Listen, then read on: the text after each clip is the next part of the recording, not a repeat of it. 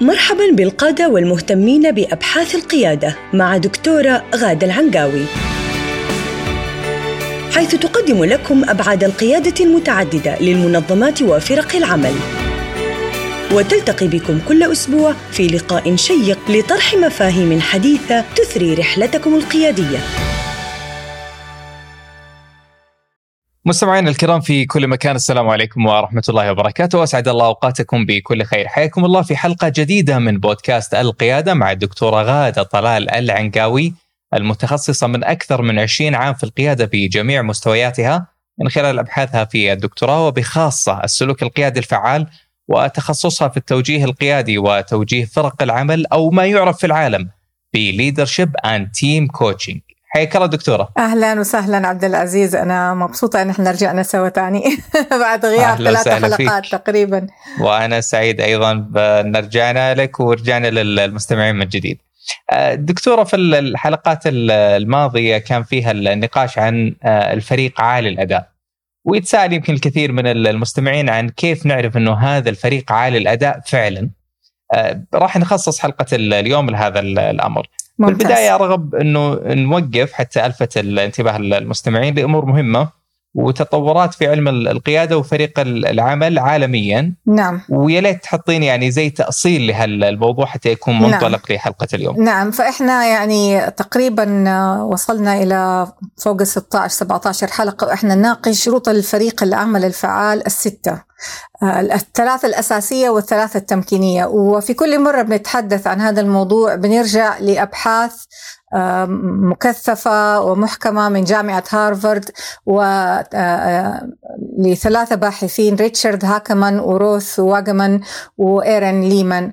ونظرياتهم في الفريق العمل الفعال تم تطبيقها في أرض الواقع مع شركات عالمية وشركات ضخمة كبيرة في الولايات المتحدة الأمريكية وأنا باعتباري ممارس متقدم مع منهجهم. أعتنق بشكل قوي مخرجات هذه الأبحاث وطبقتها في أرض الواقع في عملي مع شركات في الولايات المتحدة الأمريكية.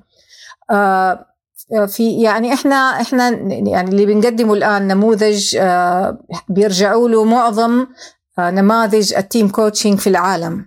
وبنقدم حاجة للعالم العربي أول مرة تقدم فاللي فاتته الحلقات السابقة يرجع ويسمع من جديد من البداية لأنه الهدف الأساسي هو أن إحنا نقدم علم هنا ونساعد آه، العالم العربي إنه يبدأ يفكر كيف آه، يعني يقترب من موضوع آه، الفريق الفعال بطريقة مختلفة عن الطريقة التقليدية الموروثة في السنوات الماضية. آه، من خلال ممارستي آه، مع الفرق القيادية في القطاعات المختلفة آه، وجدت أنه وأبحاثي أيضا في القيادة النيو كاريزمية لاحظ أنا تخصصي قيادة نيو كاريزمية وهذا التخصص الثاني اللي هو فريق العمل والاثنين فيهم كثير من التداخلات لأنه أنت كقائد لابد أن يكون عندك فريق. أشعر أنه أنه هذا الموضوع موضوع القيادة قيادة الفريق مكمل. وكتابي الأخير آه، صدر باللغة الإنجليزية مع دار نشر عالمية آه، للكتب التخصصية وهو الوحيد في محتواه عالميا والذي يطرح للقائد جلسات توجيه عملية في الكتاب نفسه. جميل على البركة الأداء القيادي. الكتاب دكتورة. إيش اسم الكتاب عفوا؟ الله يخليك. new charismatic leadership self leadership self coaching approach يعني ال leader هو اللي بيعمل coaching لنفسه. يعني أنت ما مم. تحتاج coach يعني القيادة الذاتية ت... الشخص يقود ذاته. الق...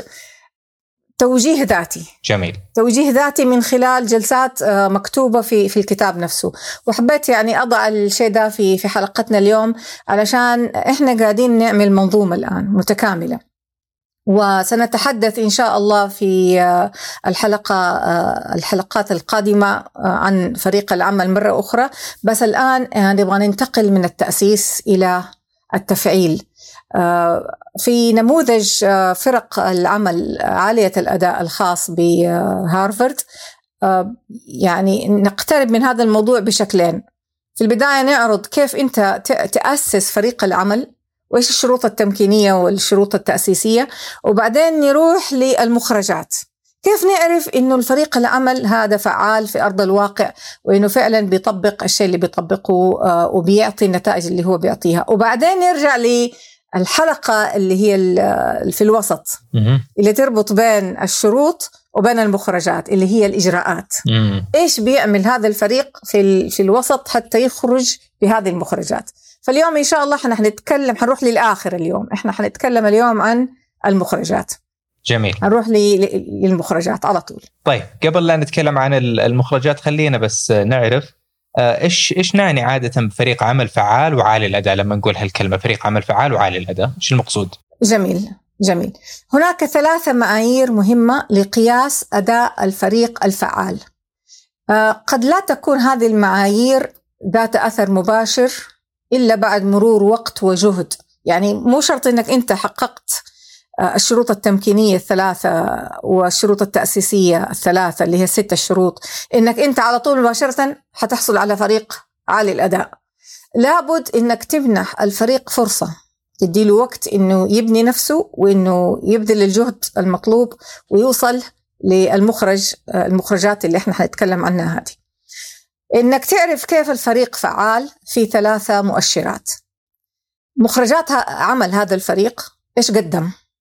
إيش آه، أعطى آه، الأداء نفسه. إيش هو؟ بالنسبة للهدف آه، من وجود هذا الفريق بالنسبة لل objectives بالنسبة لل goals حقت المنظمة إيش قدم هذا الفريق؟ اللي هو المخرج. والمؤشر الثاني التمكين. إنه هذا الفريق يزداد قوة وتمكنا مع مرور الوقت. لا يتراجع. ومعناته إنه هذا الفريق مستدام. يعني ما هو فقط آه، أنشئ للحظة عشان يقوم بمهمة وينحل وينفك ويمشي. في بعض الفرق هكذا. ولكن في الغالب أن الفريق القوي المتمكن مستدام. ويزداد استدامة وتمكينا مع مرور الوقت. حنتكلم عنها بالتفصيل. والمخرج الثالث أنه كل عضو من أعضاء الفريق وكل فرد موجود في في الفريق يزداد علما وخبرة وينمو ذاتيا في مقدراته وجداراته. فهذه الثلاثة المخرج والتمكين والتعلم والتنمية الذاتية هي مؤشرات أنه هذا الفريق عالي الأداء. جميل جدا. طيب آه، دكتورة خلينا أجل ناخذها واحد واحد. خلينا نبدأ بالمخرج. اللي يتبادر للذهن أنه لكل عمل أو أداء مخرجات. نعم. آه، فهل هذا يعتبر مقياس لقوة الأداء؟ صحيح إلى حد ما ويمكن هذا هو اللي يتبادر إلى ذهن أي قائد إنه عشان يكون فريقي عالي الأداء لابد تكون مخرجاته قوية. جميل جدا ما حنختلف على الشيء ده. ويعني أيضا أن لكن إيش معناته في أرض الواقع؟ مو معناته فقط إنه إنه صار في نتائج فقط معناته بالتفصيل في حسب الأبحاث لكل فريق عمل عميل وهذا العميل قد يكون داخل التنظيم وقد يكون خارجه. طيب؟ فلا عادة العميل الداخلي هو الموظف مثلا من الموظف نفس المنظمة الفرق الأخرى الأقسام آه جميل. اللي تدير التنظيم ال stakeholders اللي هم ذوي المصالح المشتركة في في التنظيم اللي هم المستثمرين ال board of directors أي أحد آه، بيستفيد من التنظيم من الداخل يعتبر عميل داخلي. جميل. وأي أحد بيستفيد من خدمات المنظمة خارجيا يعتبر عميل خارجي. فأنت أيا كان نوع الفريق لابد أن يكون عندك عميل داخلي وخارجي. ولابد أن يتفوق أداء الفريق على توقعات العميل. أول شيء يقابلها أو يوازيها أو يتفوق عليها. يعني ما نقدر إن إحنا آه، نرضى بأقل من إنه هو يقابل هذه التوقعات ويقوم بها. عاد مش مشكلة بعض العملاء يعني صعب ارضاء فيكون تحدي كبير عند فتحدي كبير عند الفريق وهذا يتطلب ان إحنا ندخل في الإجراءات. لكن خلينا الآن هنا في المخرجات الآن. فهذا أول حاجة.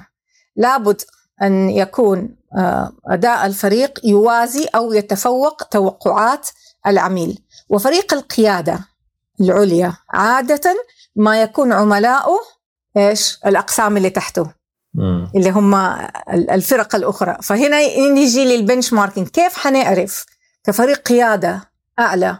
ال CEO وال CFO والناس اللي فوق جالسين وال directors كيف يعرفوا إن هم بيخدموا عملائهم اللي تحتهم الفرق الأخرى إلى ال front line؟ كيف يعرفوا إنهم هم أدائهم عالي؟ هنا التحدي وكثير من المنظمات تهمل قياس أداء فريق القيادة الأعلى لأنه هم يعني ما يخطر ببالهم إنه هذا الفريق بيخدم عملاء. هو في الحقيقة أهم فريق لأنه عملاء كل المنظمة. فهنا تجي هنا يجي تحدي عنده كبير. أكبر. نعم نعم نعم. صحيح. وخليني نضرب مثال بسيط جدا عشان نقربه من الأذهان. لو إنه إحنا عندنا آه، فريق تقنية أو فريق موارد بشرية أو فريق صيانة منشآت هذه كلها فرق موجودة داخل التنظيم.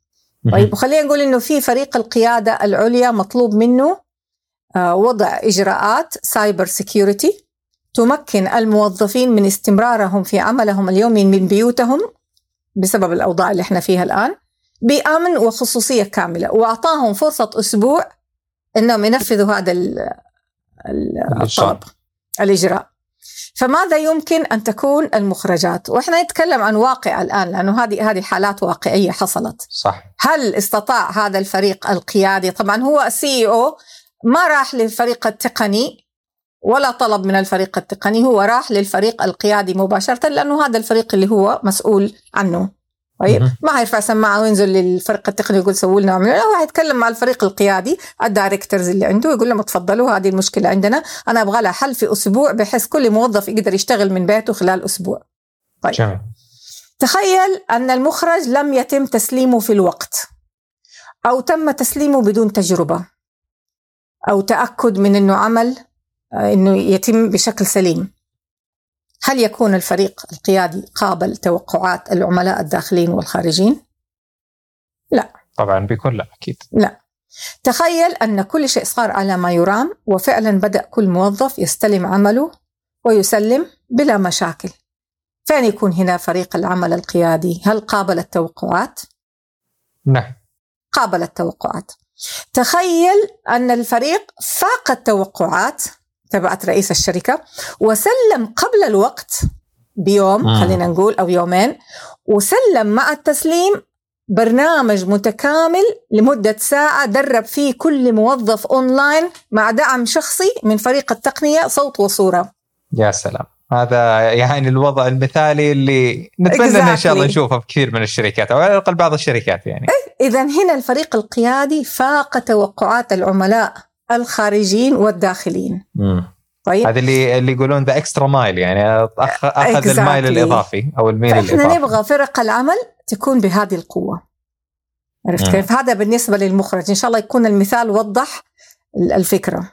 جميل. بالمثال يتضح المقال ووضح نعم. في في موضوع المخرج. طيب خلينا ناخذ الجزء الثاني اللي هو جزئية التمكين اللي ربطتيها أيضا بجانب الاستدامة. لو نعم. تتكلمين لنا شوي عن هذا المؤشر. التمكين يعني أن الفريق مع مرور الوقت يزداد قوة وتمكنا. يعني أحيانا يحدث أن الفريق يشبع المعيار الأول اللي هو المخرج فاق التوقعات ولكن بطريقة تضعف إمكاناته المستقبلية المتعلقة بقوة أدائه في المرات القادمة. فيحط كل طاقته وقوته في الدفعة الأولى وبعد كده يسترخي. عرفت كيف؟ خلاص ويتفكك ويتحل. وما وما يعطي بعد ما يستمر يعطي. يعني بعد لا ما عمل لا وبعدين يعني بعد العمل الكبير شكروه كل الإدارات فكبر راسه عليهم شوي. فنسى يكمل على نفس الأداء. أعتقد إنه يعني يمكن المخرج آه، كان كفيل إنه يحقق له العوامل الأخرى. نعم. فبدلا من أن يقوى تجده يضعف أو يضمحل. آه، فمن الممكن أن طريقة أداء العمل كانت غير مستدامة واستهلكت موارد التنظيم وإمكاناته. فكان عنده ميزانية مثلا واستهلكها كلها في آه، في رفع التوقعات منه.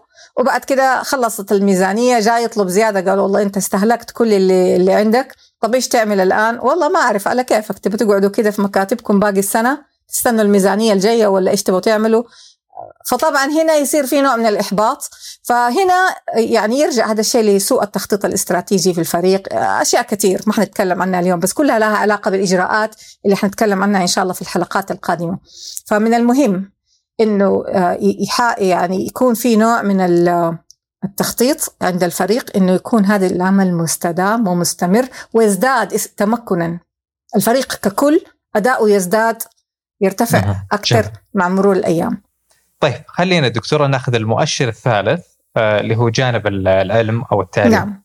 أو التعلم طبعا أنا صراحة ودي أخصص له حلقة كاملة ولكن آه، في النهاية إذا أنت استطعت أن ترفع آه، التوقعات يعني تشبع التوقعات وإنك أنت تقوم بتمكين العمل الجماعي ككل في النهاية كل فرد في المجموعة حيتعلم آه. تمكين العمل الجماعي آه، أساسي حتى نوصل للمخرج الثالث اللي هو التعلم والتنمية المست... التنمية الخاصة بكل عضو من الأعضاء. شمال. وطبعا هذا معناته إنك أنت كقائد مسؤول عن الأعضاء ومسؤول إنك أنت تخطط من البداية من قبل ما يبدأ العمل كيف كل عضو حيتعلم من التجارب الجية هذه اللي حنمر فيها كفريق.